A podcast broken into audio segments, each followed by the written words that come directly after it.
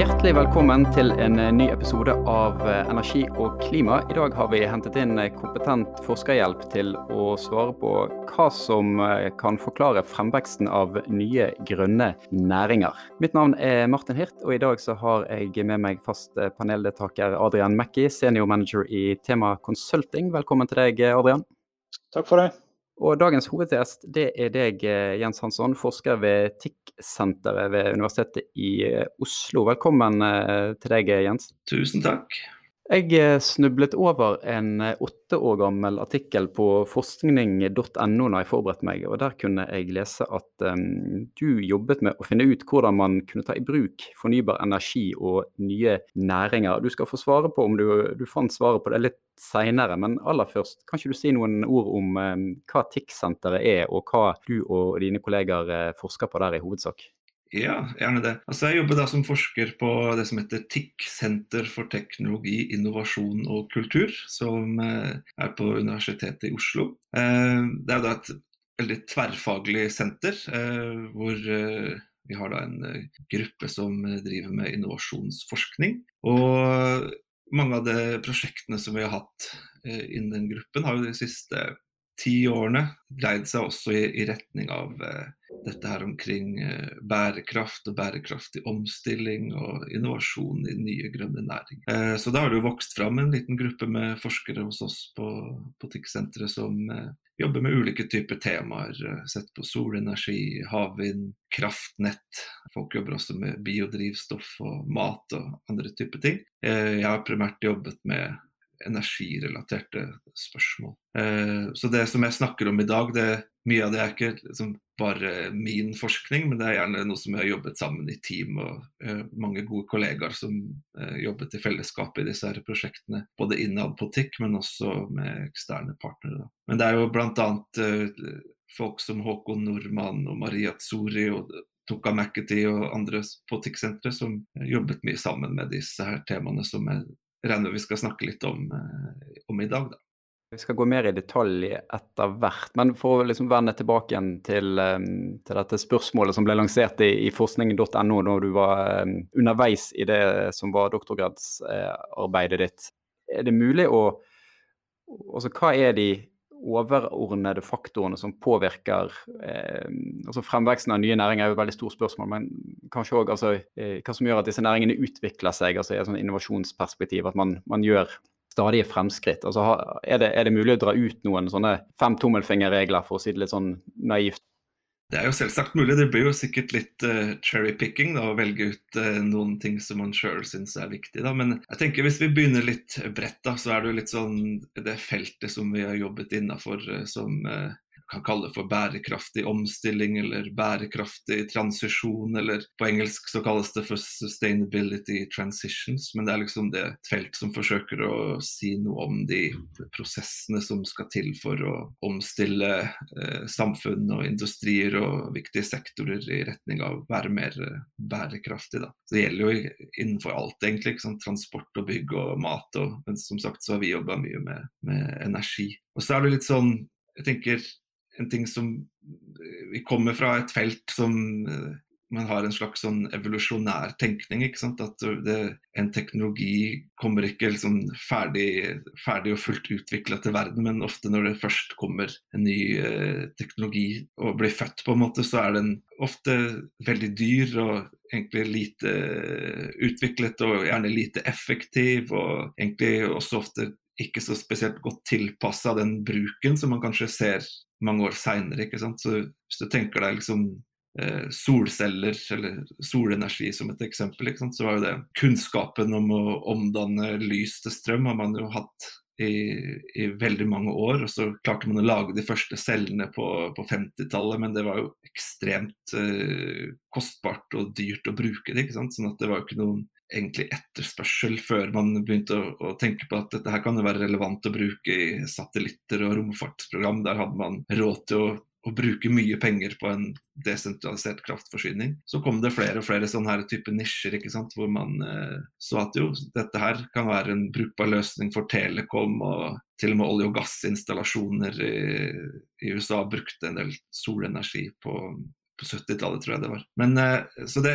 ene tenker jeg liksom den her tanken om at eh, de nye løsningene og næringene og teknologiene er noe som blir til over tid, og vi vet ikke helt hvordan resultatet blir til slutt, men at uh, det er sannsynlig at teknologier gjennomgår en sånn, skal vi si, en langsiktig sånn evolusjonær utvikling, er jo eh, en sånn grunntanke. da. Så er jo da utfordringen, som man også løfter fram i det her feltet, ikke sant, at de her nye løsningene skal liksom tas i bruk i en setting hvor det gjerne konkurrerer med allerede eksisterende løsninger som har vært gjennom lange sånne utviklingsløp. ikke sant? Eh, fossil energi, det er eh, kullkraft osv. som man har brukt eh, mye lenger og har rukket å bli mer effektivt og skal vi si innbakt i eh, veldig mange ulike samfunnssektorer. og liksom Man har blitt avhengig på en måte av noen visse former for å eh, lage og distribuere energi og, og strøm på. Da. Og da er det jo litt sånn dreier det seg også om å liksom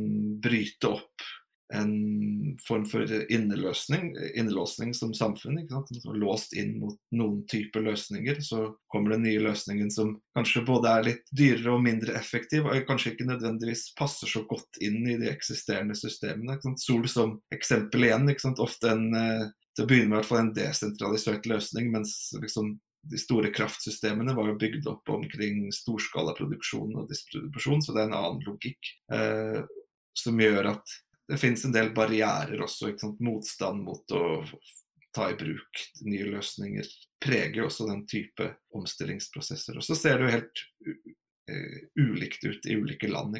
Norge har jo kanskje på noen måter i hvert fall litt uh, andre forutsetninger for uh, å utvikle og ta i bruk uh, nye teknologier enn det man ser i andre land. ikke sant? Tenker jo på behovet for å dekarbonisere kraftsektoren gir jo andre initiativer i, i, land hvor man har mye kullkraft osv. enn det man har i Norge med, med, med, vannkraft. Men på en annen side så har vi jo en stor oljesektor som gjør at Norge kanskje ser litt annerledes ut enn mange, mange andre land. Da. Det tenker jeg det er litt liksom to av hovedtrekkene sånn, i det breie internasjonale fagfeltet. og I mange land så dreier det seg om de spørsmålene. ikke sant? Hvordan kan vi bytte ut, uh, gjøre den systemendringen og omstillingen av uh, kraftsystemet og andre sektorer ved å ta i bruk de nye løsningene som da kommer inn i et sånt bilde, at det er umodent å konkurrere mot modne alternativer. Adrian?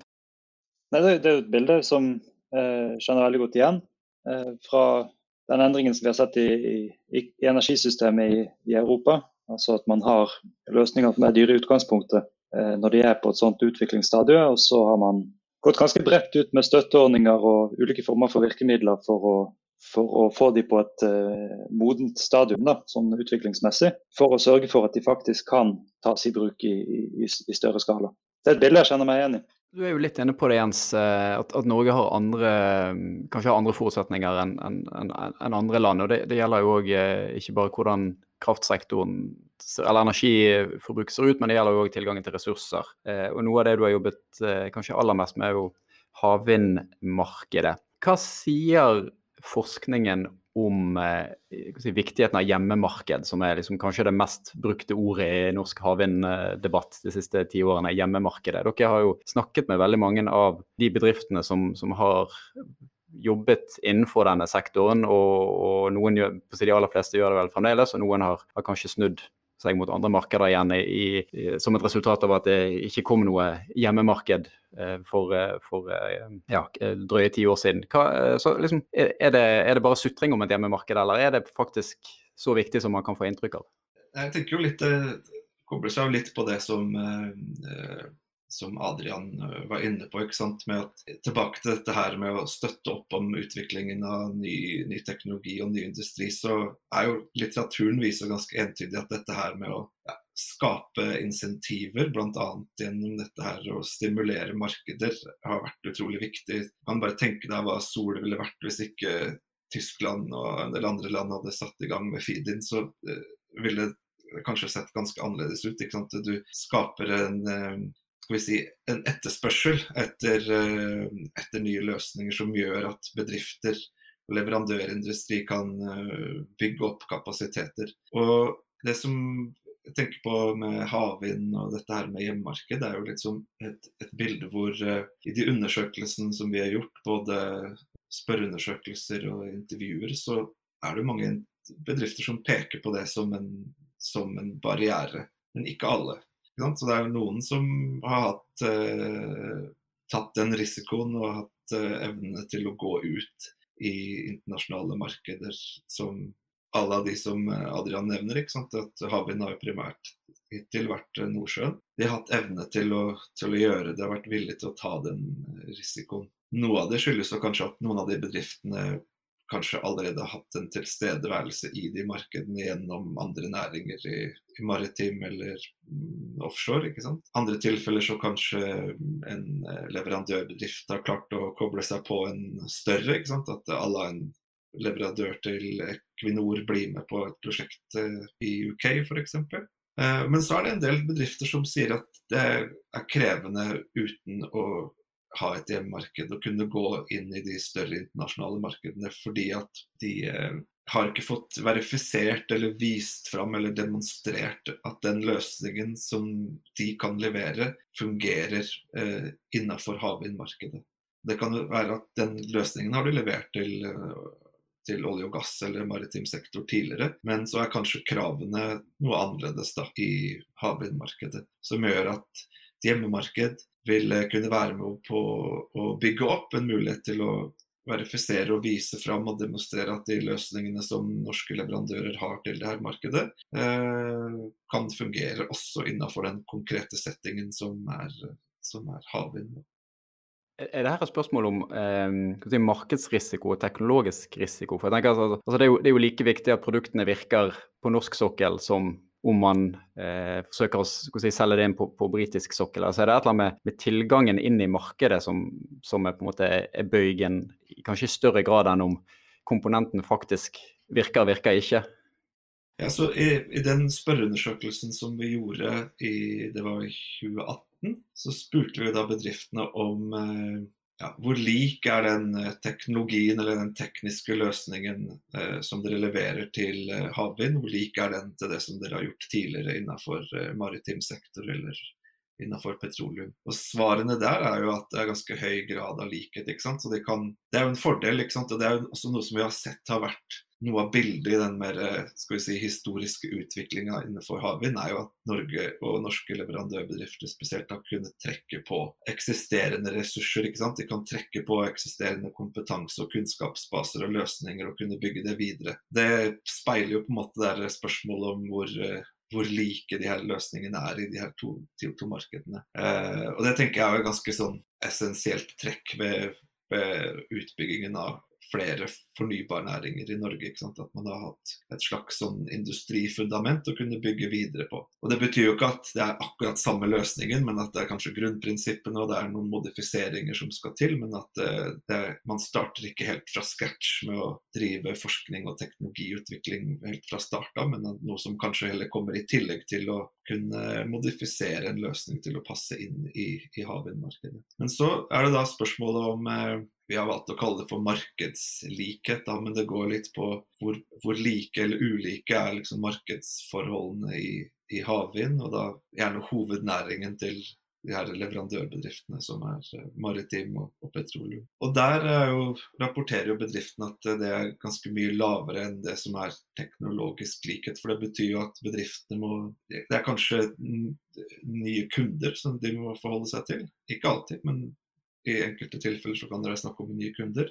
De kan ha litt andre behov og forventninger. Det er ikke gitt at det, det at en bedrift har levert noe til, eh, til, offshore tidligere, betyr at de kan gjøre det på akkurat samme måte eller lykkes like godt med det innenfor havvind. Så liksom fra kundesiden så det en, kan det være annerledes. Så er det litt sånn rene sånn kontraktsforhold, at måten man inngår kontrakter og hvem er det som skal ta hvilken type risiko osv. Er det kunder eller leverandører? Det kan se annerledes ut. Og så er det litt sånn det her med måten man markedsfører seg på og den type ting. Så det, i hvert fall det generelle bildet fra den spørreundersøkelsen viser i hvert fall at den markedslikheten i hvert fall er mindre da enn, enn den teknologiske, som ser også i noen av intervjuene da, at det kan være være en barriere. ikke sant? Fordi sånn som vi opplever det, i hvert fall, så, så, virker jo bedriftene generelt ganske godt fornøyd med liksom virkemiddelapparatet og støtte til å drive forskning og teknologiutvikling og den type ting. Der er det mye godt på plass, og bedriftene er generelt fornøyd med det. Men når det kommer til dette her med å omstille seg da, til et nytt marked med annen dynamikk og andre typer kunder, så er det noe som de må gjøre veldig mye sjøl, og opplever også at det er ikke noe som er, får spesielt mye støtte til å gjøre. Da. Selv om det kanskje er det som er ganske vanskelig å gjøre og krever mye ressurser. For det, det å drive internasjonal markedsføring, i hvert fall det en del av bedriftene rapporterer, kan koste mye, mye ressurser. Og det er en risiko i seg sjøl. Hvis det, dette med markedslikhet og markedsadgang og, og de forskjellene mellom hvordan man gjør ting i Norge eller i norsk maritim og petroleumssektor versus eh, en ny havvindsektor i Nederland f.eks. Vil, vil et hjemmemarked være mindre viktig for å overkomme den barrieren? enn eh, Er det, er det andre virkemidler du tenker treffer bedre? Det kan jo være sånn at det er akkurat for den der eh, internasjonale markedstilgangen at man i hvert fall burde tenke Jeg tror ikke det ene utelukker det andre. ikke sant? At det, nødvendigvis vi vi, hvis vi skal kjøre hjemmemarked, så må vi droppe alt annet. Men jeg tenker at det må tenkes litt paralleller. ikke sant? At er En slags miks av virkemidler. For logikken bak det å ha et hjemmemarked er ikke nødvendigvis bare en eh, øke liksom, hjemlig kraftforsyning, men det bør i hvert fall være også en tanke om å bruke det mer som et slags eh, si, industripolitisk virkemiddel for å løfte leverandørene og bidra til å kunne vise at de som ikke har fått uh, vist at det de gjør passer inn i, i havvind, faktisk gjør det. Men så er det liksom den her biten med å, å kanskje vurdere det her med å eh, på hvilke måter kan vi støtte bedriftene best til å liksom, opparbeide evner til å, til å håndtere denne markedsulikheten? Da. Og da, Det dreier seg litt om den her flere bedrifter setter jo opp. De må sette opp kontorer i de markedene som de ønsker å gå inn i. De trenger folk til å være der og inngå i kontakter med potensielle kunder. og Det er, er en, en, krevende jobb. Da. Akkurat hvordan de virkemidlene burde se ut, er jo en litt annen diskusjon kanskje. Men at det, det, er et behov der for noe, i hvert fall. Det, det ser vi da.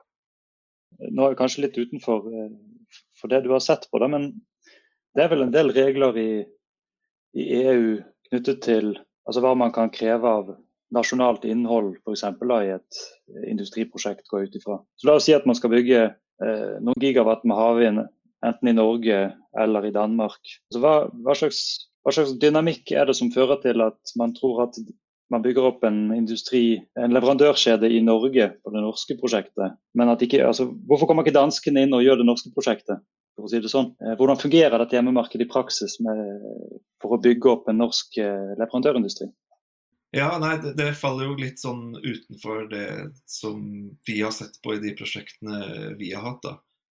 Jeg tenker at det er vel kanskje òg et spørsmål eh, som kommer til å bli avklart i denne si, konsesjonsprosessen som, som, man nå venter på fra OED. Jeg, jeg, tror jo mye av det kommer til å altså Noe av det som kommer til å være avgjørende for verdikjedene hvis man da vender oppmerksomheten over på, på, norsk sokkel, der man nå har to, eh, to områder eh, som man kan, kan, søke på, Utsira nord og, og Sørlige Nordsjø, at, at, operatøren vil nok kanskje ha noe å si. Altså Hvis man ser på Hywind eh, Skottland, så var ca.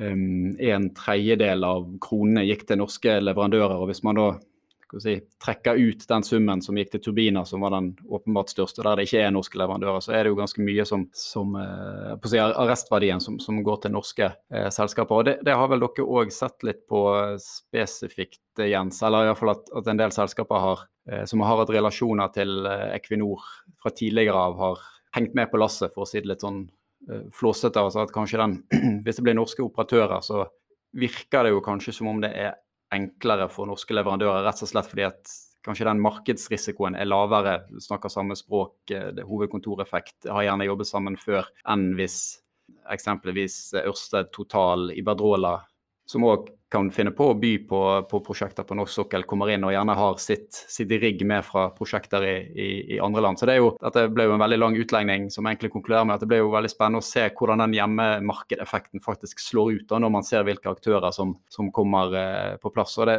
altså det, vil jo også kanskje avhenge av hvor mange lisenser man velger å dele ut på disse to områdene. Så man kan jo teoretisk sett eh, si at et selskap får det ene og et selskap får det andre, eller man kan dele det opp i tre ganger 500 megawatt på, på hvert av områdene. Så det, jeg, jeg, vil jo kanskje tro at det siste er mer nærliggende hvis man har en mer sånn industripolitisk eh, tilnærming til det. Ja, jeg tenker bare sånn, for å eh, svare litt på den, men eh, igjen med litt sånn eh, bredere perspektiv kanskje, men jeg tenker i hvert fall det å huske på at det er en veldig sånn bred leverandørindustri som har vært med på å levere til dette. her, og Huske på at det er ganske mange små og mellomstore bedrifter som er med i den pakka der. Så det er ikke bare de store, men det å sikre at man finner noen eh, gode mekanismer som treffer også de, de, bedriftene. For det er gjerne mange av de som også ja, har litt press på ressurser til å kunne drive med nettopp sånne ting som vi snakket om sist, også med, med internasjonalisering og, og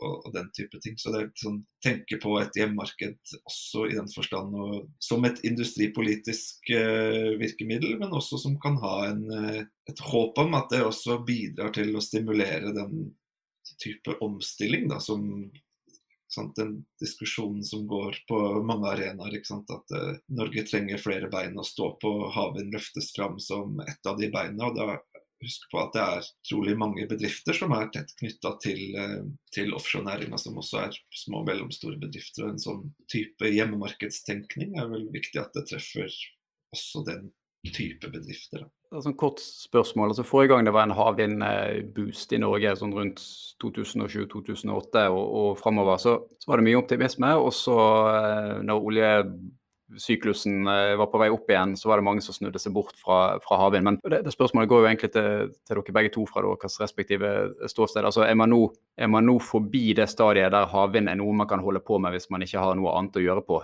for å si det veldig flossete? Altså, eller er man like syklusutsatt som, eh, som man har vært tidligere?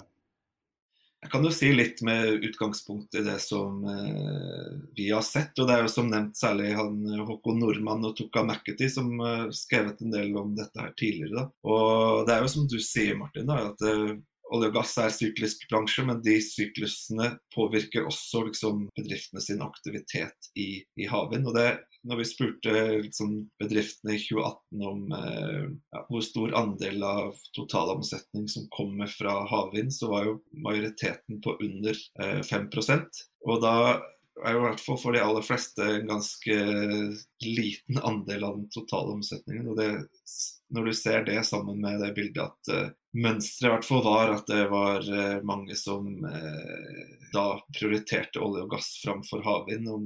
Det er selvfølgelig en risiko for at det skal kunne gjenta seg igjen. Da. Så tenker jeg det andre poenget her er jo litt sånn om man ser litt tilbake i tid, og også litt mer sånn ut fra, sånn, fra et perspektiv innenfor det fagfeltet som vi jobber, så er jo litt sånn En av ideene her er jo at ok, hva er det som skal til for å utvikle nye næringer? Vi har vært inne på en del av det, men uh, et annet poeng er jo at det gjerne krever at du har, altså du har insentiver og virkemidler og den type ting, men også at du har knippe med dedikerte aktører som jobber med et felt over tid. Da. Og Det at du har disse her eh, svingningene og inn og ut av bransjen, skaper jo noen barrierer for at, for at uh, det skal skje. Men så får vi håpe at det, det, kanskje ser litt annerledes ut, og at det er litt sånn de her eh, nye forventningene til noe som skal skje her hjemme også, dreier ting i en litt annen retning. Det var jo litt sånn, uh, Vi gjorde en sånn sammenlignende studie med, med Nederland, hvor de to landene har jo ganske mange like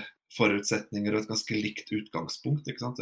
Små land og har hatt store eh, maritime og offshoresektorer. Men så eh, Og begge var egentlig sånn til å begynne med ganske innretta mot havvind i internasjonale markeder. Men så var det jo en del ting som gjorde at eh, liksom den bredere industrielle og politiske konteksten i de to landene egentlig var ganske ulike. ikke sant? At du hadde, Særlig etter finanskrisen, ikke sant? at det ble ikke noe oppsving i Nederland. Det var en, egentlig en kontinuerlig nedgang innenfor offshore i Nederland som gjorde at bedriftene egentlig hadde begynt tidligere med å begynne å omstille seg til noe nytt, og det kunne være havvind. I Norge så var bildet helt, helt motsatt. Og ble vel også satt mer, skapt tydeligere forventninger ikke sant, i Nederland til at uh, havvind blir noe her. Det ble bygd noen demoparker og forventninger om at det skulle bygges noe hjemme også, som er litt sånn kontrasten til Norge, selv om forutsetningene kanskje var ganske like.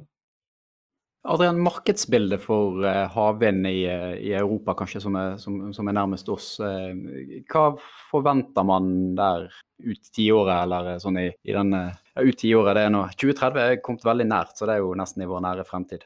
Ja, du, du, spurte jo i sted om sånn forskjellen fra 2007 til nå.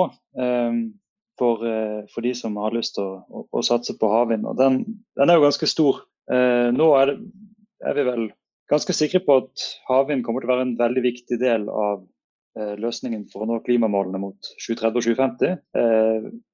EU har satt veldig ambisiøse mål, eller kommisjonen har i hvert fall foreslått veldig ambisiøse mål. De snakker vel om er det 60 gigawatt i 2030 og, og 300 i 2050. Og i dag har vi vel vet ikke om vi ligger på rundt et sted mellom 15 og 20. Ehm, så det er en voldsom økning. nå. Og veldig mye av det kommer i Nordsjøen. Eh, det har jo også betydning. Sånn som vi var inne på dette med markedslikhet. Vi mer, føler oss kanskje mer hjemme i, i, i landet rundt Nordsjøen enn vi gjør i, rundt Middelhavet, på, på noen måter. Så, så, det er et veldig stort marked. Eh, norske leverandører har jo allerede et fotfeste innenfor flere segmenter. Jeg ser tall på sånn 3-5% av det globale havvindmarkedet eh, leverer norske leverandører til. Så Det er jo et godt fotfeste allerede, og så ser vi at, at markedet kommer til å vokse veldig, veldig, kraftig. Du ser at Noen av disse her eh, leverandørselskapene, sånn som Aker f.eks., har jo nå opprettet egne eh, havvindselskap som skal jobbe dedikert med det. Eh, som kanskje da kan avbøte på det problemet du, du pekte på i, i, at du har observert tidligere. Da, at det har vært litt sånn eh, engasjement innenfor havvind har, har, variert med, med, oljeprisen i noen grader.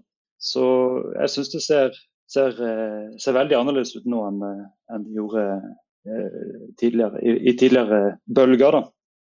Vi skal, vi skal, begynne å runde av, men eh, avslutningsvis Jeg syns det, det, har kommet en, en, diskusjon de siste eh, ikke akkurat de siste dagene, så iallfall den siste tiden rundt forskningen til, eh, til, økonomen Mariana Matsukato, som kanskje spesielt venstresiden i norsk politikk har, eh, har knyttet til sitt bryst. Hun er, er kjent for å, å, fremheve såkalte missions, altså oppdragstilnærminger. Man setter seg et mål og, og gjennomfører det, og, og har brukt um, månelandingen som et eksempel på at man, man satte seg et, uh, et mål og, og, og brukte veldig mye ressurser for å nå det. Og kritikere vil vel kanskje hevde at det virker som om målet eh, av og til er litt viktigere enn en, en midlene. Eh, og uten å på en måte knytte den, eh, det forskningsmiljøet ditt eh, altfor tett opp til eh, Matsukato og Jens, men dere òg peker jo på, på, viktigheten av en, en stat som måtte setter tydelige målsetninger og på en måte tegner opp noen rammer og, og ambisjoner. Altså, hva, hva, hvor viktig er den statlige funksjonen, og eventuelt hva, hva, tenker du om den debatten som har gått rundt uh, Matsukato de siste, siste, dagene, kanskje spesielt i, i Dagens Næringsliv? Ja, den, jeg syns den debatten er utrolig spennende. Da. Du, som du peker på, så det er jo en, en, debatt som går flere steder, også i Norge. og Det var jo noen gode kollegaer av meg, og en Håkon Nordmann og Markus Bugge, som uh, var med å diskutere litt der. Og hadde mange, jeg syns i hvert fall, gode tanker om, omkring dette her. Men jeg tenker det er greit å nevne sånn at den her tenkningen da, om uh, skal vi si missions, eller uh, det å gi retning, er jo noe som blir mye diskutert eh, innenfor disse her feltene som jeg nevnte tidligere. Innenfor innovasjonsfeltet og innenfor eh, ja, dette her med bærekraftig omstilling. Det er jo nettopp av den grunn at man kobler dette her til eh, at målene blir viktig fordi at det er noen samfunnsutfordringer som er ganske viktige viktig at uh, vi klarer å løse. Det dreier seg om klima, tilgang på energi og, og, mat. Og det å sette seg noen mål i forbindelse med å klare å, å, å løse de problemene, er jo litt som da logikken er ganske viktig fordi at det sier noe om Man vet ikke sant, at politikk og virkemidler og insentiver det er viktig for innovasjon uansett. Og hvilken retning som politikken gir, har jo da en betydning. ikke sant? Så tenkningen er jo da at man i lys av de her samfunnsutfordringene sånn som på klima, er nødt til å signalisere at jo, når vi som samfunn skal gå litt i denne retningen. Men så er diskusjonen hva, hva betyr det i praksis? ikke sant? Og Det er jo litt sånn det debattene går litt på også innenfor fagfeltet. Hvordan oversetter vi en sånn tenkning at jo, vi skal løse klimaproblem osv. til hvor konkret skal man være, og hva, hva, er egentlig mission akkurat her? Er det liksom å bygge grønn næring, eller er det så spesifikt som å si at havvind det er den grønne næringen vi skal satse på, eller er det flere? Så det er litt sånn den en ganske interessant diskusjon, syns jeg. da. Men det, jeg tenker i det norske tilfellet så er det to akser da, som jeg tenker er ganske interessant å tenke på i den forbindelse. Det ene er jo litt sånn at vi har jo sett at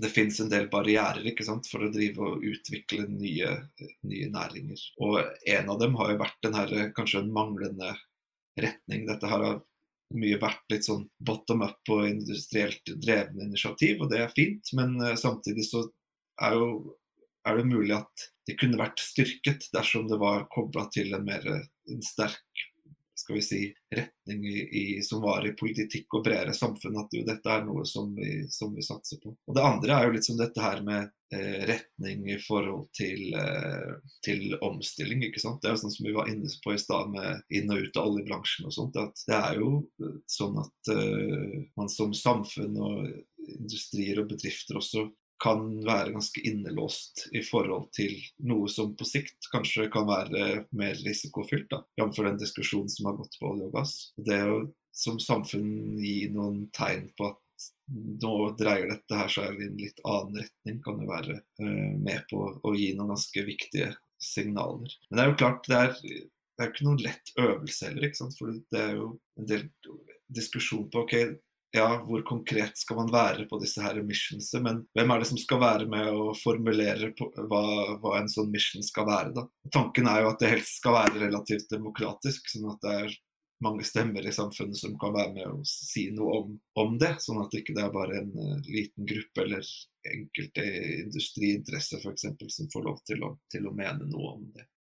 Når du, du, sier altså dette, Jeg synes det er et godt spørsmål om konkret man skal være. Jeg, jeg kjenner ikke så godt til denne debatten her med, med missions, men er det en sammenheng eh, mellom det og den debatten man har mellom eh, staten versus markedet i, i, omstillingen? Altså I hvilken grad skal man la, la, la, staten gjøre beslutninger om hvor vi skal gå inn strategisk og satse versus markedet? Altså man kan si, Setter vi et overordnet mål om utslippsreduksjoner eh, og setter en kvotepris, så styres det i større grad av markedet. Hvis man går ett hakk ned begynner å si vi skal kutte med så og så mye, og vi skal gjøre det eh, ved å satse på den, den og den sektoren. Så har man på en måte konkretisert det mer og overlatt mindre til, eh, mindre til markedet, da, på et vis. Er det en sammenheng der med, mellom de to diskusjonene? Ja, det er vel det. ikke sant? Den der diskusjonen som har vært i DN i hvert fall, speiler jo litt det her med om uh, man uh, tenker seg at uh, staten skal involvere seg minst mulig, eller om at det krever at faktisk det offentlige involverer seg litt i å, å være med på å definere planer og mål. Da. Og det er vel det siste sant, som, den, uh, som går mye på det i, i, den tenkningen omkring missions, er at uh, det kreves en mer tydelig stat. Det er vel det som er, er logikken der. Og det er vel litt det her med at ikke nødvendigvis er staten eller myndighetene alene som skal gjøre det, men i samarbeid med de samfunnsområdene som har interesse for dette. her. For jeg, jeg tenker jo litt det her med missions det kan jo være litt sånn, sånn som det er flere som har påpekt det også innenfor eh, hvis man går veldig inn og tenker konkret innenfor havvind. også er litt sånn, Går det an å liksom sette seg noen konkrete mål? for Så og så mye skal bygges ut. Eh, dette her med vi forventer kanskje så og så mye norsk content, og det kan bli så og så mange arbeidsplasser. Noen forventninger til hva man ønsker å få ut av noe. Eh, er i hvert fall logikken at det kan sende noen signaler og gi en retning på utviklingen. Og da, når man vet at fraværet av en retning kanskje gjør at ting går litt for sakte, eller at det ikke blir stort nok eller nok trøkk, så er vel da tenkningen at dette her med disse her missionsene er et, eh, er et alternativ. Tusen takk eh, Jens og Adrian for en interessant diskusjon om eh, innovasjon og nye næringer. Vi skal som vanlig runde av med ukens eh, anbefaling til lytterne. Jeg har tatt med meg en artikkel fra nettstedet Vox, der journalist David Roberts har kastet et kritisk blikk på Joe Bidens klimaplan som kom i forrige uke, og stilt det litt provoserende spørsmålet om vi egentlig bør bry oss. Og Der ser han spesielt på hvordan den innenrikspolitiske situasjonen kan føre til at sluttresultatet blir dårligere enn det ambisjonene tilsier. En lesfattelig og god oversikt med et nyansert og realistisk blikk på USA og klima. Adrian, hva har du valgt ut denne uken? Eh, nei, jeg vil anbefale noe som jeg har blitt anbefalt, og som jeg skal, skal prøve å få tak i. Det er en, en, bok av Christian Dahl Winther som heter 'The Visual Guide to the Power Grid Inside the Greatest Machine in the World'. Så en, en, en, eh, en god og godt illustrert forklaring på hvordan kraftsystemet egentlig fungerer. Både fysisk og, og, og markedet og, og, alle delene av det. Som, eh, som ser veldig, veldig artig ut. Jeg tror den kan anbefales til alle som har lyst til å forstå hvordan det henger sammen eh, litt, litt, bedre. Kanskje mange som burde lest den før eh, stortingsvalgkampen begynner for alvor etter, etter ferien. Jens, da skal du få lov å avslutte med din anbefaling. Jeg har lyst til å trekke fram en bok som jeg tror var den første boken jeg leste når jeg begynte å på doktorgraden i, i innovasjonsstudier av en uh, som heter Nathan Rosenberg. Som, en bok som er skrevet i 1976 som heter 'Perspectives on Technology'. Men den syns jeg er veldig fin på å forklare liksom, det som vi var inne på i stad, med hva som skal til for å utvikle nye teknologier og næringer med dette her eh, mer sånn evolusjonsperspektiv. Da, hvordan, eh, han er historiker, men samtidig også eh, flink til å, til å, skrive og formidle på en måte som jeg tror kan eh, være litt appellerende til mange. da. Takk igjen, eh, Jens og Adrian. Takk for at du hørte på. Husk at du kan abonnere på Energi og klima i din foretrukne podkastspiller. Da får du nye episoder straks de er publisert. Du kan også sende tips og tilbakemeldinger til energi og klima at energiogklima.no. Vi høres igjen neste uke.